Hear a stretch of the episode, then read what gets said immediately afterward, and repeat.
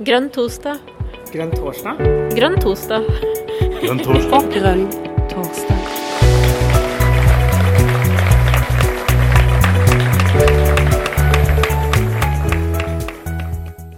Hei, hei, folkens, og velkommen til eh, Grønn eh, torsdag. Eh, med oss i dag så har vi Elan Morgan, som vil si noe om prosjekt Mangfold. Eh, og mangfold handler jo om så mangt. Elan, vær så god, ordet er ditt.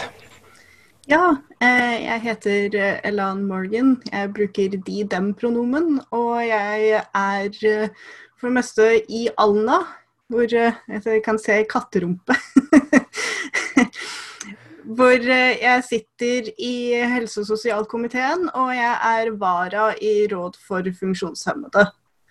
Og på Oslo årsmøte så vedtok vi at eh, det vi trenger er å, å sette ned i arbeidsprogrammet at vi skal få på plass bedre rutiner og bedre eh, støtte for eh, folk med tilretteleggingsbehov. Og ut ifra det så opprettet vi eh, Prosjekt Mangfold. Og vi er et lite utvalg på fire personer som har eh, prøvd siden det å, på en måte først og fremst få innspill fra folk om hva slags barrierer er i partiet i dag, hva møter du av problemer, og også prøve å finne ut av hvordan kan vi løse dette, hvordan kan vi forbedre situasjonen, og hvordan kan vi gi både Miljøpartiet generelt, men også personer en bedre opplevelse av å tilrettelegge for mennesker som ofte føles veldig eh, vanskelig og stort når du ikke vet hva du skal gjøre, eller hvor du starter hen. Så eh, vi har nå holdt på eh, siden starten av april, hvor vi har hatt ute en spørreundersøkelse som folk har kunnet svare på. Vi har hatt åpne møter hvor folk kan dukke opp, og vi har også da hatt eh, prosjektgruppemøter. Og nå holder vi på å, å prøve å fullføre et førsteutkast som vi skal levere til uh, Oslo i juni. Og så er håpet at vi over sommeren kan fortsette å jobbe og få til et større, mer altså fullverdig dokument. Både om hva problemene er, og hva vi kan gjøre bedre. Eh, Elan, kan du si noe mer om denne spørreundersøkelsen? Ja, vi har et anonymt uh, skjema som ligger ute. Dere skal forhåpentligvis ha fått det på e-post, men det ligger også ute i vår uh, prosjekt mangfoldsgruppe, som hvem som helst kan melde seg inn i hvis de ønsker. Hvor det er et anonymt innspillskjema på Google Docs, hvor vi stiller noen generelle spørsmål. Men det er også da, altså hvis du ønsker å gi innspill som du ikke følte det var plass til i skjemaet, så kan du bare skrive det i skjemaet likevel. Fordi vi leser alt sammen, og vi tar det til oss. Så det, hovedpunktet er på en måte internt i partiet. Både hvordan vi har behandlet folk fram til nå, hva slags problemer som har dukket opp, men også hva kan vi gjøre bedre? Hva kan vi gjøre bedre for deg? Hva kan vi gjøre bedre for andre i en måte som forhåpentligvis kan også føre til at folk som ikke tør å være aktive enda, kan få det pushen og muligheten fordi vi har begynt å tilrettelegge. Mm. Eh, du sier at det er noen generelle spørsmål. Eh, jeg er jo nysgjerrig litt på, på mer innholdet i dette her. Kan, kan, du si noe om disse generelle spørsmålene? Det er egentlig altså, Det er bare veldig Her kan du dele innspill om, om ting som har skjedd. Altså ja. um, hva du har opplevd, hva vi burde tenke på, sånne ting. Mm. Og så er det kom med konkrete forslag, egentlig. Det er et relativt åpent tema. Ja, men vi har jo Åpne og generelle spørsmål, ja. ja. Vi har jo også da stilt noen altså, spørsmål når vi har sendt ut på e-post og sånne ting, om uh, hva vi kan gjøre for å forbedre Miljøpartiet. Hva vi kan tilby, hva slags aktiviteter folk er interessert i. og hva slags hinder de i dag kanskje opplever for å kunne delta aktivt. Mm. Eh, kan du dele med oss eh, noen av de svarene som dere har fått? Eh, og De er jo anonyme, selvsagt, også for dere, så det er jo ikke å snakke om å utlevere noen. det vi har sett veldig mye, er at um, folk føler partiet er veldig Altså, vi presenterer én type mennesker. Og eh, veldig mange av våre aktive mennesker eh, faller inn under en veldig snever aldersgruppe. Og eh, vi har fått flere innspill som er at de ønsker å se flere eldre aktive i politikken. De ønsker å se flere eldre aktive presentert som en del av Miljøpartiet. For å kunne på en måte mer se seg selv gjenspeilet. Og den andre tingen vi har sett mye, er at vi ikke tilrettelegger bra nok for mennesker som har mobilitetsvansker.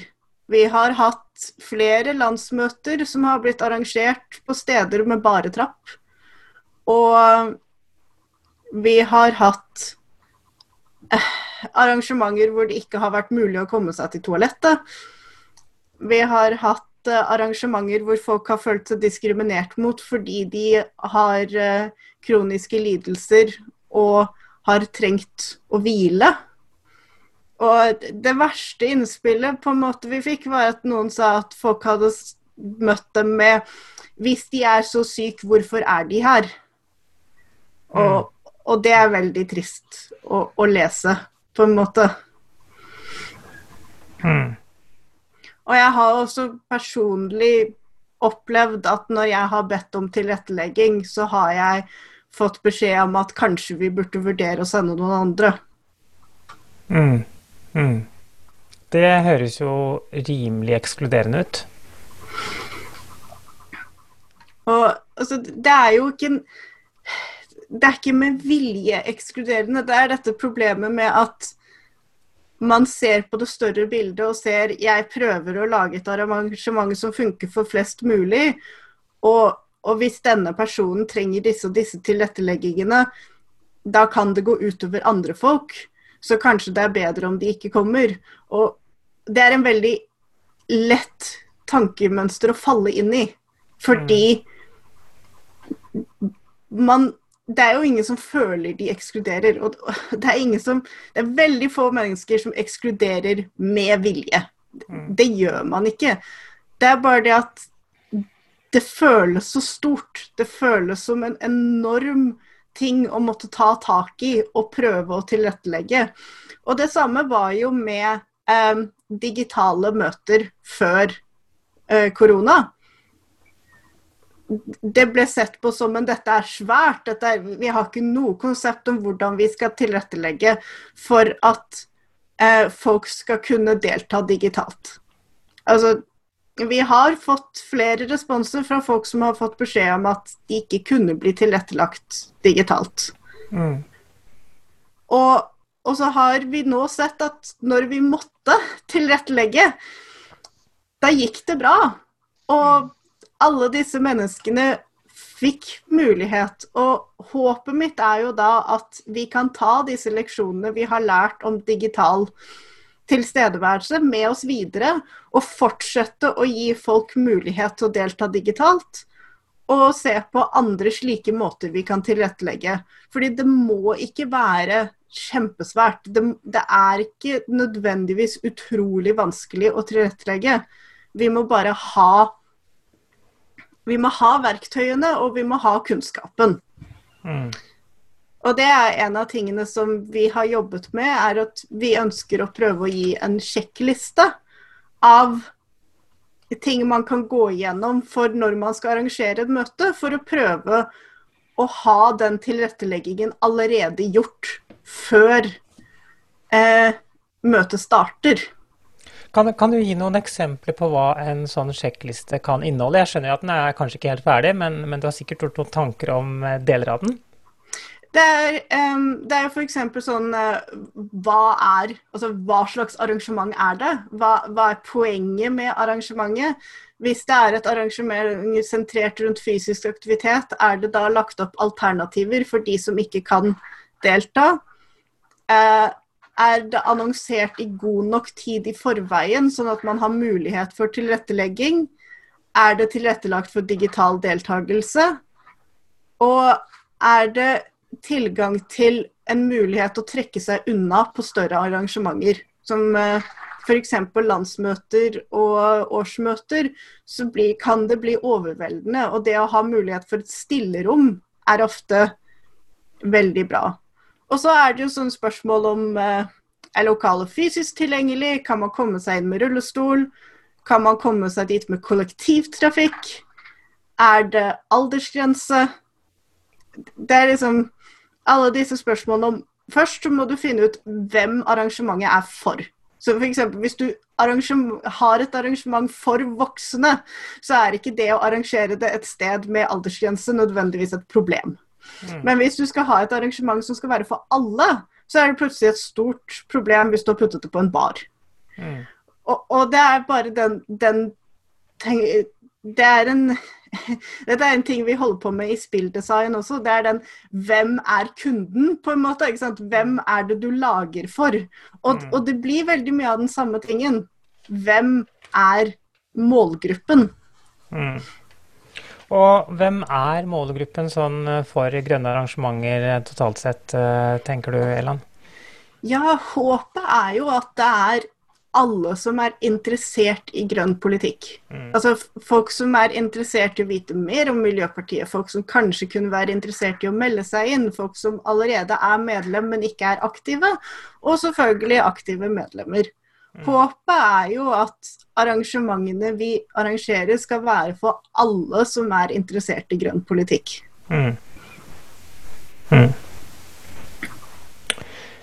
Eh, siden jeg har eh, leder for Viken her, eh, Birgitte Sterud, så vil jeg tillate meg å stille deg et spørsmål. og Dette blir jo helt ut av det blå for deg, du er ikke forberedt engang, så jeg er skikkelig grei med deg. Men det jeg lurer på, Birgitte, når du hører dette, og, og, med tanke på at uh, man hadde jo faktisk en behandling av dette med, med universell uh, utforming av arrangementer oppe til behandling som vedtektsforslag uh, til De Grønne på det siste landsmøtet. Hvilke tanker gjør det deg, Birgitte? Ja, det har jeg tenkt ganske mye på. Um, akkurat nå så satt jeg og tenkte på hvordan opplevde Eland den diskusjonen, tenkte jeg. Så det kan hun få lov å svare på etterpå. Eh, fordi det er, noen, det er, noen, sånne kryssende interesser som jeg ser. da, eh, også, fordi Vi diskuterte jo det, jeg sa jo det også, at eh, naturen er ikke universell. Jeg kan ikke kreve f.eks. Å, uh, å være under vann, fordi jeg har ikke gjeller. Sånn at jeg kan ikke være overalt. Og hvis jeg um, sitter i rullestol eller er så er det fryktelig vanskelig å delta i strandrydding på en rullesteinstrand eller på glatte svaberg f.eks. Eh, så det er på en måte de ytterlighetene. Og så vet vi også om en del små lokallag som er veldig små, eh, som har få aktive, og som eh, jobber for å få flere aktive, men som ikke har penger, og som kanskje har et eller annet lokale i annen etasje et eller annet sted, og er avhengig av å få arrangert styremøter f.eks. Og da var det dette, dette ene ordet i det forslaget hvor det sto alle lokaler. For det betyr at selv mindre grupper, altså styrer som per dato ikke har noen med nedsatt eller med bevegelighetsutfordringer, eh, mobilitetsutfordringer eller andre ting, da må de også ha møter på steder som er tilgjengelig. Sånn at det var dette alle og må som var utfordringen. Eh, og hadde det stått så langt mulig og bør, eh, og så kombinert med nettopp en sånn sjekkliste som du snakker om, Elan, Eh, så tror jeg det hadde løst veldig mye. Og jeg har også sittet og tenkt på nå, og yes, det må vi huske på til neste årsmøte i Viken. Ikke bare har du noen allergier, men trenger du tilrettelegging? Skriv en linje om det her f.eks., sånn at vi vet om det når vi arrangerer årsmøtene våre. At det er noen som kommer som trenger tilrettelegging. Og så kan vi få til det. Uh, vi hadde heldigvis På Viken sitt så var det noen med rullestol, og de kom seg frem. Vi måtte bare flytte litt på oss av og til, og, var, og da ble jeg veldig glad. Men da tenkte jeg også søren heller, dette hadde vi ikke tenkt på på forhånd. Flaks for at det faktisk går an å komme inn her. Så mm, jeg tenker at uh, det er eh, Hvis man vil bli jagerpilot, så må man ha en viss høyde. Eh, og hvis man skal drive med herrefotball, så bør man kunne i hvert fall definere seg som mann. Så det er liksom, Vi har mange sånne ting i samfunnet som ikke er for absolutt alle. Men vi bør ha mulighet på alle større arrangementer, i hvert fall alle, alle sånne årsmøter og landsmøter og sånn, ser jeg på det som en selvfølge at de skal ha det for alle. Og så var det én ting som jeg bare må få si når jeg har ordet, og det var landsmøtet som var digitalt, som jo fungerer veldig fint. Men det jeg tenkte mye på etterpå, det var når et landsmøte og folk sitter alene foran en skjerm for åtte minutter til å lese gjennom et, eh, et, en sak, så begynte jeg å tenke på hva med de som har lesevansker nå? For nå er det ingen ved siden av seg som kan hjelpe dem å lese. Og hvordan i alle dager skal de vite hva de leser? Hvis de ikke får tiden nok, og hvis de heller ikke har noen fysisk som man kan samarbeide med og spørre hva står det egentlig her, jeg klarer ikke å lese så fort. Så Det tenkte jeg mye på etter det. Jeg tenkte at det er en del, en del utfordringer som ikke syns, og lesevansker er en av dem. Eh, og Det ble, mener jeg, ikke godt nok ivaretatt på det landsmøtet. Så jeg har tenkt veldig mye på det etterpå, på forskjellige, på forskjellige måter. Da. Så jeg gleder meg til den sjekklisten, og jeg håper at vi får tilgang på den i Viken, så vi kan bruke den aktivt på det vi skal ha våre, våre arrangementer. Det håper jeg. Mm. Tusen takk, Birgitte Heland. Ja, altså, Håpet er jo at Oslo tar dette videre sentralt, altså til alle. Det er jo det, er det jeg tror både Oslo og vår plan er. Uh, en ting jeg vil si, det, det, det, kommer veldig an på hva slags rullestol man har for hvordan man kan delta. Altså, det, jeg syns det er veldig farlig å, å, generalisere hvordan folk kan delta ut ifra hvilke funksjonshemminger de har. Men eh, mitt problem med forslag, vedtektsforslaget var ikke alle, det var universell utforming. Fordi eh, her i Alna så, vi, eh, så, jobber vi med å bygge et nytt eh, vi skal bygge et nytt kommunehus, på en altså bydelshus, fordi vi har ikke noen ordentlige møtelokaler for tiden. Og i løpet av det så har vi pratet mye om universell utforming. Og pga. det så er jeg veldig klar over hvor strenge de reglene for universell utforming er. Du må ha ledelinjer, du må ha blindeskrift, du må ha høyttaleranlegg, du må ha lydslynge, du må ha eh, minimum én meter snurom for rullestoler jeg tror det var liksom i hvert rom og også flere muligheter i rommet for snu. Eh, du skal ha eh, handikap-toalett på hvert, altså hver etasje. Det er, det er veldig mange strenge regler. Og for oss i Alna hadde vi stemt inn det forslaget som det var, så hadde vi måttet slutte å ha møter i Alna. Fordi det finnes ikke, så vidt vi vet om, noen universelt utformete møtelokaler her. Og, og det betyr ikke at vi ikke har eh, mulighet for folk med rullestol. Det har vi absolutt. Er, alle møtelokalene er på første etasje og sånn. Men det er, det er alle disse konkrete reglene som er problemet.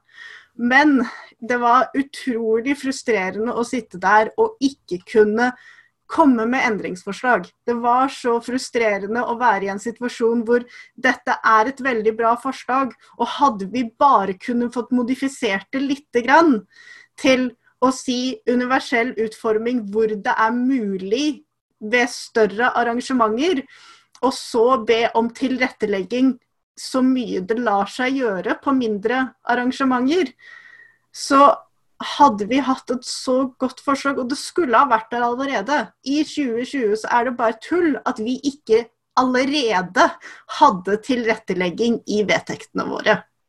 Jeg er leder i Innlandet, og jeg skulle veldig gjerne hatt den der sjekklista. Eh, bare for å øke bevisstheten på eh, ved ethvert arrangement du være litt snakk om større arrangement, men bare ha en bevissthet ved ethvert arrangement. Eh, for å, det er bare de tinga du ramsa opp nå, så var det flere ting jeg ikke hadde tenkt på. At, altså, eh, nå har vel kanskje jeg tenkt litt lite på akkurat disse problemstillingene, men stillerom f.eks. Altså når du sier det, så skjønner jeg det umiddelbart, ikke sant? men ikke, ikke, jeg har ikke liksom tenkt at jo, det burde vi passe på når vi skal ha årsmøte, eller i hvert fall prøve å få det til. Altså det, så det, her er det bare fått sjekklista, selv om jeg hørte jo det at det var en Oslo-sentrert eh, sjekkliste for digitale møter over lenge, vi som da er utenfor Oslo. Da, så det, den terskelen er veldig lav. Men eh, det er en del andre ting som vi sliter med her eh, når vi først møtes fysisk. Men er det på et digitalt møte, er det noe vi skal passe på der? Et sånn konkret spørsmål? Jeg fikk faktisk For jeg har jo nå det siste to månedene egentlig pratet med veldig mange folk om dette. Og jeg fikk et flott innspill fra lederen for FRI, som sa at når man har en digital deltaker, så er det utrolig viktig at eh, ordstyrer, eller altså leder for møtet, er den som sørger for at den digitale deltakeren får med seg det som eh, skjer. Og hele tiden spørre og, og være aktivt oppfølgende på Hørte du hva som ble sagt? Nå er det mange folk som pratet i munnen på hverandre. Eh, og, og så, fordi Hvis den som er på den digitale skjermen må være den som sier 'nå har ikke jeg fått med meg', kan du forklare? Da blir du plutselig veldig Da føler du deg utafor. Men hvis ordstyreren er den som følger det opp, da, da blir det mye mer inkluderende med en gang. Ja, da, da tenker du på sånne blanda møter som da er veldig problematisk. Sånn at det er én som er med digitalt, og så er resten fysisk. Ja, det, det, er jo en vanskelig situasjon som virkelig stiller krav til møteleder. Det, jeg, jeg har så vidt der forsøkt det der, men det, det er, det er, en vanskelig greie. Så, men, eh, så da er nesten bedre å ha 100% digitalt, for da er alle med på eh, likeverdig. Men eh, det er sånn vi gjør det i Innlandet, og kanskje ikke i Oslo. Jo, nå kanskje, men ja, takk.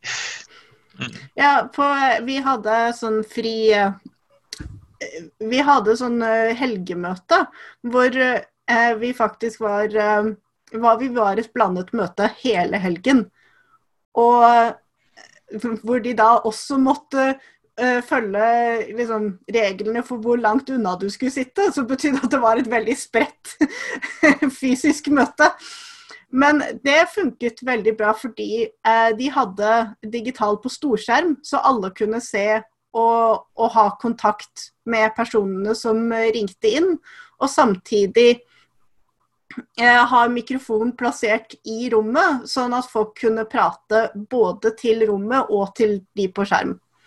Så det er, eh, det er relativt vanlig i organisasjoner som har store deler av gruppen sin ett sted, men så har noen som er fra andre. Altså Grønne glitrende har hatt blandede møter siden jeg har vært medlem, altså fram til vi da ble heldigitale pga. vel at alle ble heldigitale. I, I, Oppland, da Opplandet eksisterte, så hadde vi stort sett alltid mulighet for styremedlemmene å koble seg på digitalt hvis de av en eller annen grunn ikke hadde mulighet til å møte opp eh, fysisk. Og og eh, min erfaring var at det fungerte stort sett ganske greit, så lenge de som var i det fysiske rommet, var bevisst på at de hadde en digital deltaker eller to. Med en gang begynte, vi begynte å, å, å liksom få opp diskusjonstemperaturen, så man liksom kun forholdt seg til de på andre siden eller på samme side av bordet, så, så, så ble det mer problematisk for den digitale deltakeren. Så det er, det er veldig viktig det du, det du, sier der, og jeg ser, jeg ser virkelig problemstillingen. Um, så, så eh, og, og, og, i jobbsammenheng også, så ser jeg også det at, at eh, et, et, digitalt møte med kanskje to møterom med masse deltakere i hvert av de, eh, bare da begynner man å slite litt. Eh, fordi, fordi, at eh, de som er i det ene møterommet, ikke engang klarer å forholde seg til at de må faktisk prate én av gangen for at man skal kunne høre det som skjer. Noen driver og knitrer med papiret rett ved mikrofonen. Altså det er veldig sånn mye ubevissthet rundt, rundt hva som skal til for at møtet fungerer. da. Og, og de, de, trenger, de, tror ikke de trenger å forholde seg til det, fordi de andre er jo der, og de andre i rommet hører godt hva vedkommende sier. Så, så, så, og dette handler jo mye om bevissthet. Er det slik med andre, andre saker også, som er knyttet til, til, inkludering, at det handler kanskje mer om bevissthet enn ren vilje? For viljen er der egentlig når vi er klar over det? Eh, det, jeg vil bare si angående jeg har, jeg har drevet og tatt eh, en del sånne KS-kurs nå pga. at jeg har, jeg har, sjekket hva som er, finnes av kurs om eh, tilrettelegging. Så jeg tok et kurs om hørselshemming. Og, og, og det sa faktisk at uh, i en selv om man er i en fysisk situasjon, så med en gang mange mennesker begynner å prate samtidig, så er det mange mennesker som fullstendig mister muligheten til å høre hva som skjer. Fordi du kan ha en hørselshemming på bare 10 og, og det er nok til at du mister den undertonen som gjør at du hører stemmer distinkt. Så eh, det er egentlig et tilretteleggingsspørsmål generelt sett. Det å ha en sterk uh, møtekontroll uh, og, og, sørge for at ting ikke blir for på en måte Nå skal vi prate i munnen på hverandre. Mm. Eh, altså, det jeg ville ha sagt, sannsynligvis er at jeg tror det er veldig mye om repetisjon og, og opplæring. Altså, mm. jeg, jeg, tror vi er veldig klare over at det finnes, på en måte. Altså, vi, vi er klare over eventualiteten, men praksisen på hvordan faktisk reagere, hvordan faktisk oppføre oss, den, den er ikke der. Og, det, og, den er ikke der uten at vi, vi øver, rett og slett. Altså, sånn er det på alle ting. Og det, det er jo det samme som Det er jo det samme med pronomen også. Altså, det er veldig vanskelig å plutselig begynne å bruke andre pronomen. Det, mm. det, er det så å si ingen som klarer. Mm. Man er nødt til å øve. Man er nødt til å, å gå igjennom det igjen og igjen og igjen og igjen til det blir på en måte normalt, og man har plutselig blitt vant til at man kanskje kaller folk med mer enn to typer pronomen. Mm. Og jeg tror det er det samme med jeg tror det er det samme med tilrettelegging, jeg tror det er det samme med inkludering. Mm. Og jeg tror f.eks. alkoholservering er en ting som kan virke utelukkende. Mm. Og det er en ting vi i Norge aldri tenker over. Fordi det er en så utrolig integrert del av eh, norsk På en måte norsk kultur. Men jeg, jeg, vil bare si at jeg kommer til å pushe for eh, neste landsmøte at vi eh, tar inn inkludering og tilrettelegging i vedtektene. Det skulle ha vært der allerede, og jeg vil ikke at vi går enda et år uten å få dette inn.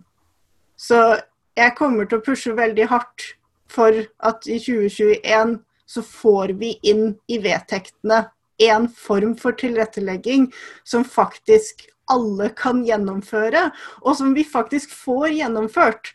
Fordi Hvis vi putter ting i vedtektene som folk sier dette kan vi ikke gjennomføre, da bare blir det ikke gjort. Men hvis vi putter ting i vedtektene folk føler de kan gjennomføre, da blir, de da blir det et mye sterkere krav til at å, dette må vi gjøre. Fordi nå står det i vedtektene at vi må gjøre det. Så det, det, blir ikke lagt på is, det lover jeg. Dette er noe jeg skal følge opp. Det vet jeg andre i utvalget også ønsker å følge opp. Og jeg vet at det er mange i andre deler av Miljøpartiet som har sagt det. Så i 2021 så skal en variant av dette inn i vedtektene. Det må det. Ja, og det vet jeg at også Birgitte stiller seg bak eh, fra Viken.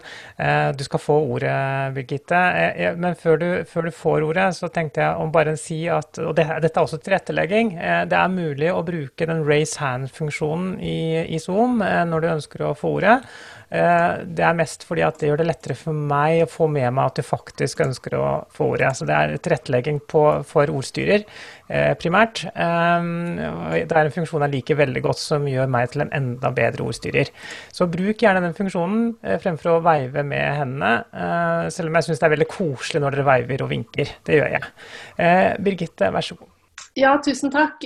Vi snakket om det da vi fylkesstyret i Viken gjennomgikk eh, landsmøtesakene i forkant. At det var liksom åh, det skjærer i hjertet å si nei til det forslaget. Eh, men vi så jo at det var jo ikke mulig å gjennomføre det, så vi kunne jo ikke si ja til det. Men det var sånn, dette er jo så viktig, dette må vi få til til neste år. Vi vil være med på et forslag som gjør at vi får det gjennom. Eh, så jeg håper bare at før lenge før fristen for å sende inn vedtektsendringsforslag går ut, så vil jeg anbefale å sende det rundt til alle fylkeslagene for å få innspill. Eh, som gjør at vi er helt sikre på at når det forslaget foreligger på landsmøtet, så blir det enstemmig vedtatt, fordi det er kjempeviktig. Så vi vil veldig gjerne være med på det. Eh, og så skal jeg si et par ting om eh, digitale møter. fordi eh, eh, nå har vi jo fått Zoom, som jeg syns er bedre enn det vi har hatt før, som heter Hangout. For det har vi jo hatt i Viken, det er jo et digert fylke og folk har lange reiseavstander. Så vi har jo hatt mange på Hangout. Eh, vi har hatt folk som har sittet i bilen sin, eller på sykkel, eller på toget, eller til og med fra Spania har folk deltatt. Men utfordringen med å lede et fysisk møte og samtidig ha et øye på en skjerm og folk med hangout, og man har kanskje også sakspapirer på en skjerm, det er kjempevanskelig. Så vi har hatt en hangout-ansvarlig på en del møter. Eh, som har ansvar for å følge med på de som deltar på hangout, og som kan si ifra til den møtelederen i det fysiske møtet at nei, men nå er det noen som prøver å få ordet her. Fordi det er for vanskelig selv. og det gjelder jo også store møter hvor man kan være co-host f.eks. Det kan være krevende å lede møter, og det å ha en co-host som som eh, assisterer og svarer på chatten og sier ifra at nå er det noen som vil snakke her, og kanskje holder øye, øye med en taleliste og sånn. Så det er, det er, mange sånne ting man kan gjøre. Uh, og det er veldig deilig å ha co-hosts. Uh, det har jeg fått prøve noen ganger. På delegasjonsmøter i Viken så fikk jeg ha Karina som co-host, og da var det bare sånn Å yes, nå kan jeg slappe av. Nå er jeg sikker på at det blir bra. Fordi det er noen andre som, som kan mye av det tekniske også. Så det handler litt om å ikke bare hjelpe, men også lære seg til å ta imot hjelp. Uansett hvor funksjonsfrisk og oppegående og klinkende klar og flink man syns man er. Ingen er omnipotent, og alle har bruk for en hjelpende hånd. Særlig når man skal lede møter. Eh, så det, det handler nok litt om det også. Å ikke tro at man er Gud og kan alt, men eh, si at eh, OK, er, her er det veldig mye å håndtere på samme tid, så nå hadde det vært kjempefint om vi kunne være to stykker om å lede møte og fordele oppgaver. Også for å ivareta ivareta de andre som er med. Uh, og så er det jo læring uh, selvfølgelig på høyt nivå. Vi har jo lært at vi kan sette fly på bakken når det bare blir en koronakrise som er stor nok. Og vi kan jo skjønne også at da er det selvfølgelig Nå har vi på samme måte som du sa i sted, Elan, så har vi lært at ja da, vi kan tilrettelegge digitalt faktisk. fordi når vi må, så går det. så altså er det bevist.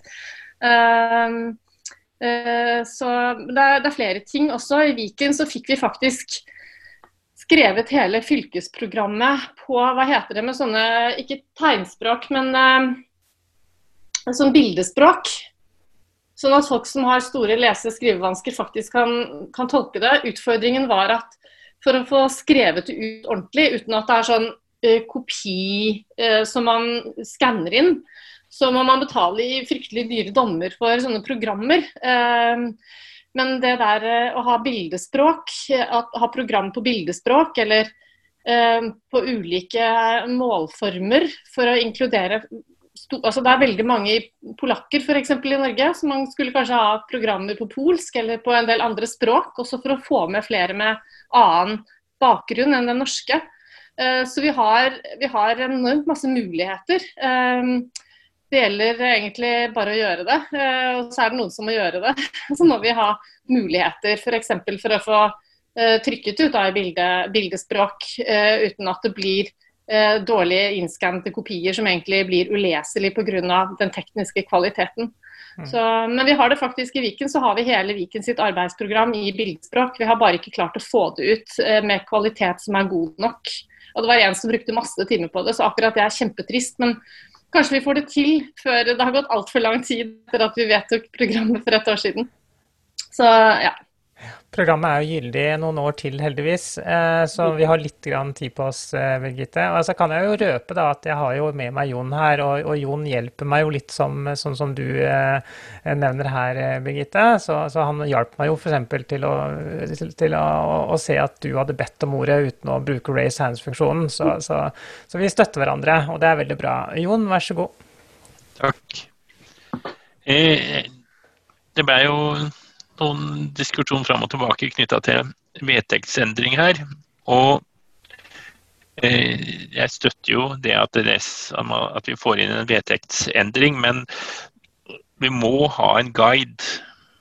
Og når eh, altså, En ting er sjekkliste, men altså, sette seg inn i problemstillingen på hvordan eh, man alle de forskjellige tinga man bør tenke på. Eh, hvert fall, altså, den blir aldri, Første versjonen blir jo ikke perfekt, men liksom, man kommer med en guide. og det, det, Den guiden trenger for så vidt ikke være noe som blir vedtatt av noe Oslo MDG eller landsstyre eller noe sånt. Og det, er det er en guide som uh, man får lagt bare, Man lager den, og så, for, så, er det noen som uh, kan akseptere at den legges ut uh, på MDG et eller annet sted. Sånn at vi, vi, som er litt, hvis jeg kan kalle det amatører på det her, eh, kan få litt hjelp til å arrangere enda litt bedre møter. Mm. Takk. Mm. Det, det, det, kan jeg støtte deg i, i Jon. Elan, det, du hører jo her at, at, denne sjekklisten er det jo veldig mange som er nysgjerrig på. Kan du si litt mer om andre typer verktøy som dere jobber med? Vi har jo prøvd å Altså, i denne første runden så har vi jo mest av alt prøvd å få innspill. Så vi har prøvd å, å, å strekke ut til så mange forskjellige organisasjoner som jobber med mangfold som bare mulig. En av innspillene vi fikk, eh, spesielt når det kommer til eh, å inkludere innvandrere, er at vi er nødt til å bruke mentorer. Vi kan ikke som hvite mennesker forvente å forstå og å, kunne sette oss inn på første Altså kunne virkelig sette oss inn i hva slags eh, problemstillinger som kommer opp i andre sine liv. Og at vi er nødt til å mer strekke ut og bruke ressurspersoner og, og ikke tro vi vet best, rett og slett. Det, det er veldig mye av innspillet vi fikk derifra. Og og nå har, det jo, nå har det jo vært påske, nå har det vært korona. Det, det, er ikke den enkleste tiden å prøve å få folk til å komme med store innspill akkurat nå. Men eh, vi, som vi da også da ser etter alternative læringsplattformer. Eh, KS Læring har eh, en flott en om kjønn, seksualitet og normer. Det, det er et helt fantastisk nettkurs. Men jeg kan dessverre ikke finne så veldig mange andre. Og det, det, er et problem. Altså, det er egentlig et problem for Norge generelt. Vi burde hatt mange flere åpent tilgjengelige kurs som folk kunne ta for å få en, en bedre altså kompetanse, rett og slett, på hva det betyr å ha en funksjonshemming. Hva det betyr å være innvandrer, hva det betyr å ha en hørselshemming. Altså, det er så mange ting. Altså, selv det kurset de har om hørselshemming, er rettet for elever. Altså hvordan, in hvordan inkludere hørselshemmede elever i skolen. Og selv det kurset lærte jeg en masse av. Jeg, det så mye jeg lærte om hørsel jeg ikke kunne fra før av, bare å ta det kurset. Og, og, det betyr at vi har så stor mulighet. Det er så mye vi kunne ha gjort. Og og det synes jeg vi rett og slett som parti vi burde pushe på eh, kommunene. Vi burde pushe på regjeringen. At de får flere av disse veldedige organisasjonene, med støtte selvfølgelig, til å lage eh, offentlig tilgjengelige kurs folk kan ta for en bedre eh, oppfatning av f.eks. hva betyr det å være kronisk syk? Det tror jeg veldig få mennesker som ikke selv er kronisk syke, har en idé om hva betyr i dag. Og det, jeg tror nå, etter at folk har vært uh, stengt inne for så lenge, så, så, er de ikke like glad i å si uh, å, du bare sitter hjemme hele dagen, det er flott, det kunne jeg ønske meg å gjøre også. Det, det, tror jeg flere folk har skjønt ikke er så morsomt som det virker. Men det er fremdeles utrolig lite informasjon. Og det samme som jeg kunne ønske vi hadde læresystemer ute om hva det faktisk betyr å gå gjennom Nav-systemet. Fordi oh, det er de folkene som tror du går på Nav og så får uføretrygd på sånn to dager, de de har noen veldig søte ideer som hadde vært hyggelig hvis det var sant. Er, eh, du har vært innom noe, noen, eh, noen, veldig spennende punkter her, Elan. og det, det, ene er jo, Du nevnte jo litt om FRI. Og, og, Gjennom mange år så har de jobbet med noe som heter Rosa kompetanse, som, som jo er et eh, kompetansehevende prosjekt. Er det noe slikt du ser for deg? Det, rosekompetanse. Det FRI nå har, er skeiv kunnskap. Og det er så vanskelig, for vi har to av dem nå. Men skeiv kunnskap er faktisk den rette. Det, det, er den som retter seg mot kommunene, mot mm. offentlig opplæring. Og, og, og jeg går ut ifra at FFO, som er uh, den overordnede foreningen for funksjonshemmede, altså de er på en måte paraplyorganisasjonen for de andre funksjonshemmede organisasjonene. Jeg går ut ifra de gjør mye av det samme. Men deres arbeid virker mer til å være rettet spesifikt på politikere, og ikke så mye generelt. Og, og, det er det jeg kunne virkelig ønske vi hadde. At vi hadde noe lignende, en sånn opplysningskontortype ting, som spesifikt eh, fokuserte på en litt bredere form for opplæring. Og, og, det hadde også virkelig hjulpet i arbeidslivet. Fordi nå er det jo sånn at jeg tror det er bare 10% av funksjonshemmede som er i arbeid. Og langt flere av dem kunne ha vært i arbeid hvis man hadde vært klar over hvordan man tilrettelegger.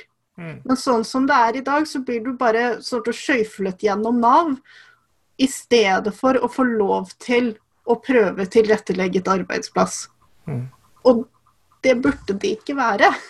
Så, så det er liksom vi Innad i Miljøpartiet så har vi masse ting å gjøre. Det er, det er begrenset alt vi kan gjøre pga. at Norge er slik det er i dag. Og, og, vi har også absolutt et ansvar som et politisk parti for å, for å dytte utover, også for å endre ting. Mm.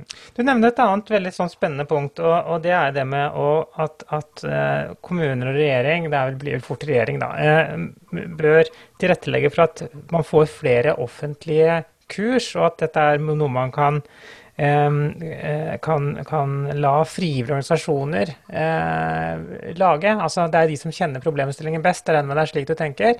Eh, og, og, og, og, dette er da også en måte å gi de midler på. Liksom, her har dere midler, lag kurs som blir offentlig tilgjengeliggjort, eh, som på en måte beskriver de utfordringene som eh, den gruppen dere har, møter, og hvordan det kan imøtekommes på en ålreit eh, måte. Har jeg forstått deg rett?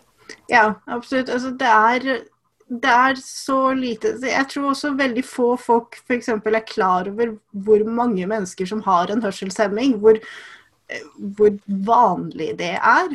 Og også hvor vanlig det er å, å, å, miste På en måte miste tråden. Altså ikke få med seg hva som blir sagt. Mm.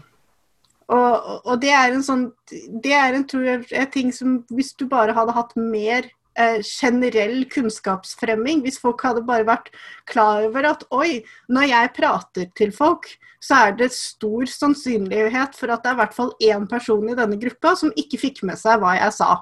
Mm. Det tror jeg vil endre hvordan vi prater, bare generelt sett. Mm. Mm. Ja, altså jeg, jeg, tenker at dette her burde jo nesten få inn i programmet vårt, det på punktet der, da. Birgitte, du har bedt om ordet. Uh, ja, jeg kom på en litt morsom ting. Um, som egentlig er litt morsomt. Uh, fordi um, eh, MDG er veldig kunnskapsbasert. Og når vi snakker og lærer oss uh, fakta om ting og tang, så bruker vi ofte grafer. og ikke sjelden så har man røde og grønne grafer. og 10% av menn er har rød-grønt uh, fargesynhemming, eller hva det heter for noe. Altså Rød-grønn fargeblind heter det, men det er, ikke, det er, ikke, den riktige betegnelsen. Men det gjør at uh, eh, 10 av alle menn vil jo da ikke se forskjell på disse grafene, som kanskje er hele forutsetningen for å skjønne poenget. Eh, og Det samme gjelder jo i eh, universiteter og på sykehus og overalt, hvor man velger eh, rød-grønn kombinasjoner, som da 10% av alle tilstedeværende menn ikke kan få med seg. Så Det er sånne småting som man kanskje ikke tenker på.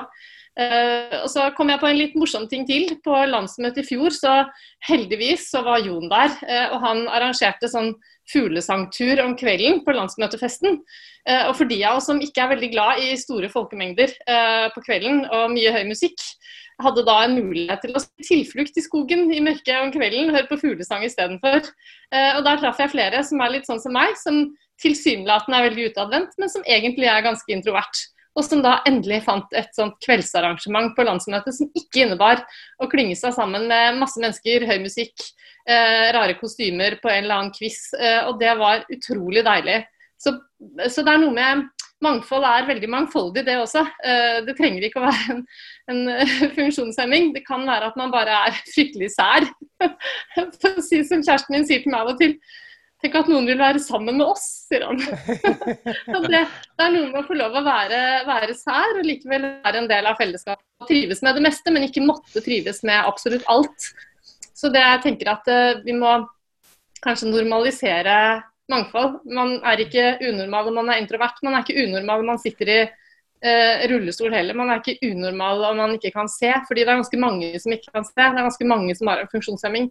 Så det er noe med å utvide normalitetsbegrepet vårt. Uh, og også når det gjelder alder, så er jeg veldig glad for at du tar opp Ellan. Jeg føler meg jo ikke som en eldre, selv om noen ser på meg som det. Men 54 er ingen alder. Jeg tenker at ja, kom, kom gjennom 20 år og kall meg eldre. Um, men jeg føler meg så dypt og inderlig krenket når noen velger å kalle meg boomer. Og det er en del i MDG som syns det er helt greit å kalle folk på min alder, selv om jeg er født ett år for sent til å være det, faktisk. Så det er en del sånne ting som vi, som vi gjør Uh, og det å bli brukt sånt begrep om, det er første gang jeg har følt at noen har brukt et begrep på meg som gjør at jeg føler meg tråkket på. Og det lærte meg ganske mye om hvordan andre mennesker føler seg tråkket på når man bruker begreper som oppleves krenkende, og de som bruker dem ikke kan fatte og begripe at det var noe å ta seg nær av. Um, så det har vært en, det har vært en lærepenge, det, og det har vært i MDG at det har skjedd overfor meg. da. Uh, så det har vært en skikkelig vekker, uh, og da har jeg tenkt på hvordan opplever andre å bli kalt ting av meg, eller satt i bås, eller brukt en eller annen betegnelse på som man ikke liker selv.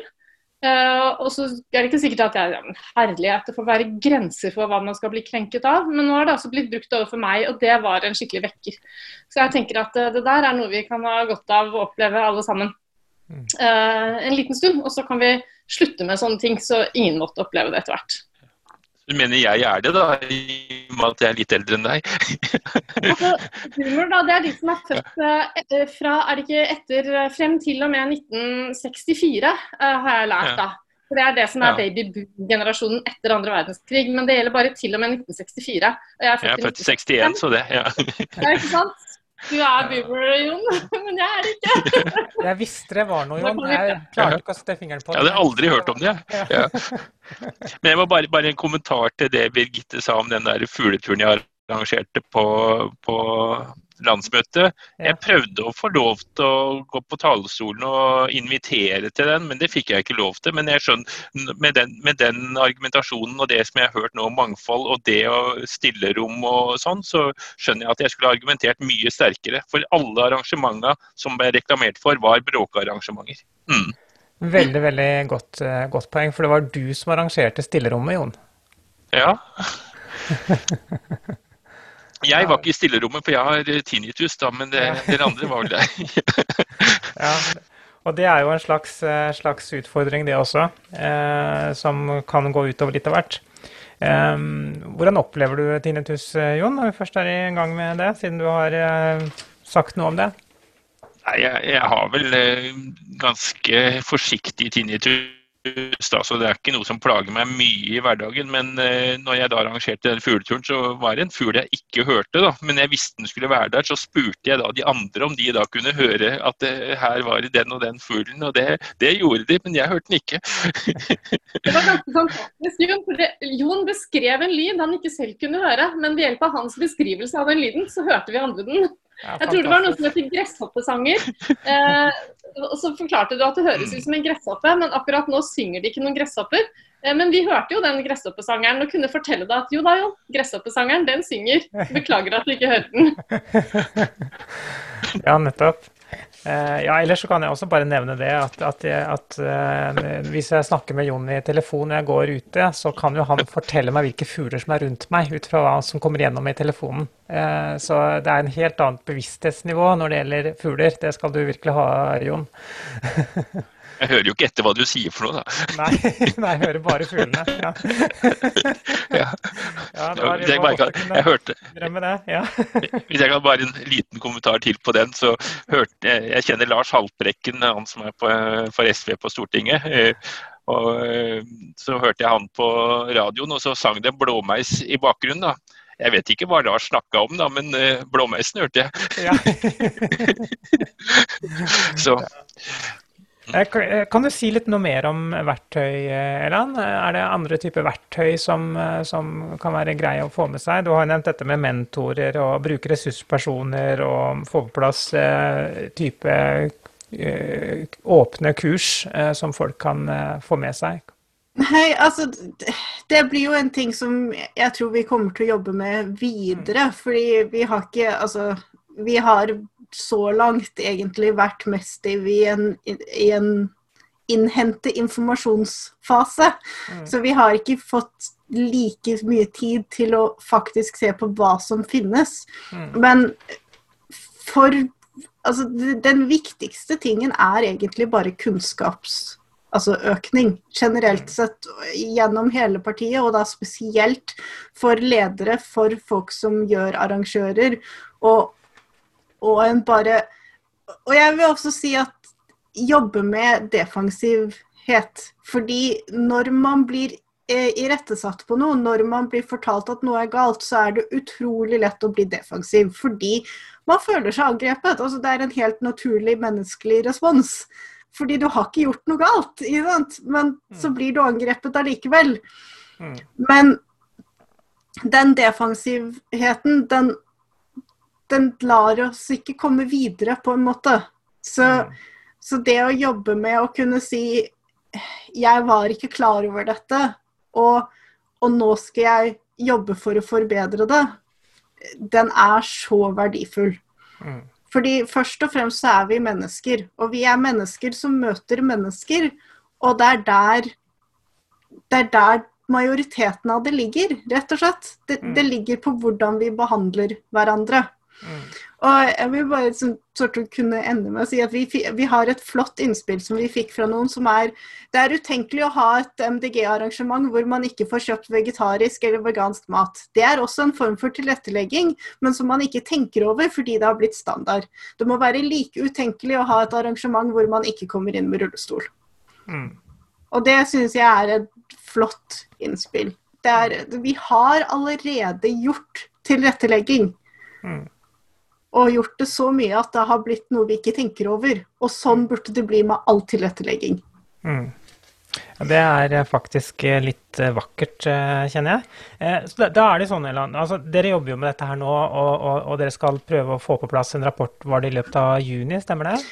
Vi må få den på plass i mai, så skal den sendes inn i juni. Så vi, Ja, nettopp, vi har ikke nettopp. så mye mer tid. Men Nei, det- vi skal fortsette å ta innspill over sommeren. Ja, så nettopp. Vi vil veldig gjerne fortsatt få innspill. Ja, nettopp. Og, og, og de som da har innspill, eh, hvor henvender de seg, eller hvor finner de eh, stedet å, å poste innspillet sitt? Eh, dere skal forhåpentligvis ha fått e-post om det. Nå, Mm. jeg er ikke sikker på om det er bare Oslo som har fått e-post om det, eller om det, det skulle ha vært sendt ut sentralt, men eh, vi har hatt litt sånn krangel der. Men eh, på Facebook så burde dere alle kunne finne Oslo MDGs prosjekt Mangfold. Den kan alle melde seg inn i. Dere vil bli, altså, dere vil bli godtatt. Og der står det hvordan Der har vi vårt uh, anonyme uh, skjema. Vi har åpne digitale møter hver fredag, altså i morgen uh, klokka fire. Og så har jeg også eh, informasjon eh, der hvis du ønsker å prate med meg direkte, så kan du gjøre det. Det eneste jeg ber om, er at vennligst ring meg på kvelden, fordi jeg, min kroniske sykdom er sånn at jeg kan ikke gjøre ting om morgenen. Ja, men veldig bra. Jeg, vi kommer til å gjøre det sånn at på opptak av dette her, så, så vil vi legge litt info om dette her på skjermen, eh, slik at, eh, at, eh, det kan være mulig å få det på plass. Og så vil jeg oppfordre alle til å komme med innspill, for dette her er et utrolig viktig prosjekt som jeg, jeg, som jeg håper både gir oss verktøy og, og, og sjekklister og kunnskap til å håndtere dette enda bedre enn det vi gjør. For det er åpenbart eh, forbedringspotensialer her. Det, det tror jeg vi alle kan eh, være enige om. Og så ser jeg også at vi har kommet inn på noen punkter her som vi faktisk bør få inn i praktisk politikk. så det skal jeg ta med meg videre. Jeg er helt sikker på at fylkeslederne her også har, notert seg noen av de punktene. Det er jeg ganske overbevist om. Så det er kjempespennende. Eh, og, vi nærmer oss slutten. Vi har for så vidt eh, to minutter igjen, så, det er åpent for, eh, for, kommentarer for de som ønsker, ønsker det. Jeg kan jo bare spørre deg først, Birgitte. Har du fått noe nytte av dette møtet her? Ja, absolutt. Og jeg sitter bare og tenker på hvordan vi skal være tidlig nok ute før vårt neste årsmøte, og ikke minst valgkampen, for å se hvordan vi kan møte flest mulig mennesker. Også hvordan vi skal både inkludere, men også oppsøke mennesker som har, som har funksjonshemminger eller bevegelsesutfordringer eller, eller hva som helst, og hvordan vi kan sikre oss at de også får får, eh, del, altså, får tatt imot budskapene våre og får muligheten til å stemme grønt, ikke minst. For det erfarte vi på husbesøk sist, at det var noen som ikke kom seg av gårde til stemmelokalene, og som ikke visste at de kunne få hjelp til å få stemt, f.eks. Uh, så jeg, jeg, tenker veldig mye på det, og så tenker jeg at vi må bare være være tidlig ute, og at jeg skal allerede spille det inn på neste valgkamputvalgmøte vi har i Viken. De har jo starta for lengst med denne valgkampen, den har vi planlagt siden i sommer. Så, mm, så eh, det, det, er kjempeviktig innspill. Og så tenker jeg at det hadde vært kult å ha et åpent møte i Viken et eller annet sted med deg, Land, som vi kunne så enda flere kunne fått det med seg i, i oppkjøringen til valgkampen f.eks. Så sånne ting sitter jeg og tenker på. Det er bra. Eh, har du noe du vil legge til, eh, Jon? Nei, jeg har fått en eh, enda større bevissthet. Jeg, jeg hadde en uh, seanse på siste årsmøte hvor det var litt dårlig lyd, og det var en person i salen som, som da sleit med det. og det, Da lærte jeg noe, og nå lærte jeg en, enda mer. og Dette er jo noe vi må bare ta med oss og uh, få enda større fokus på.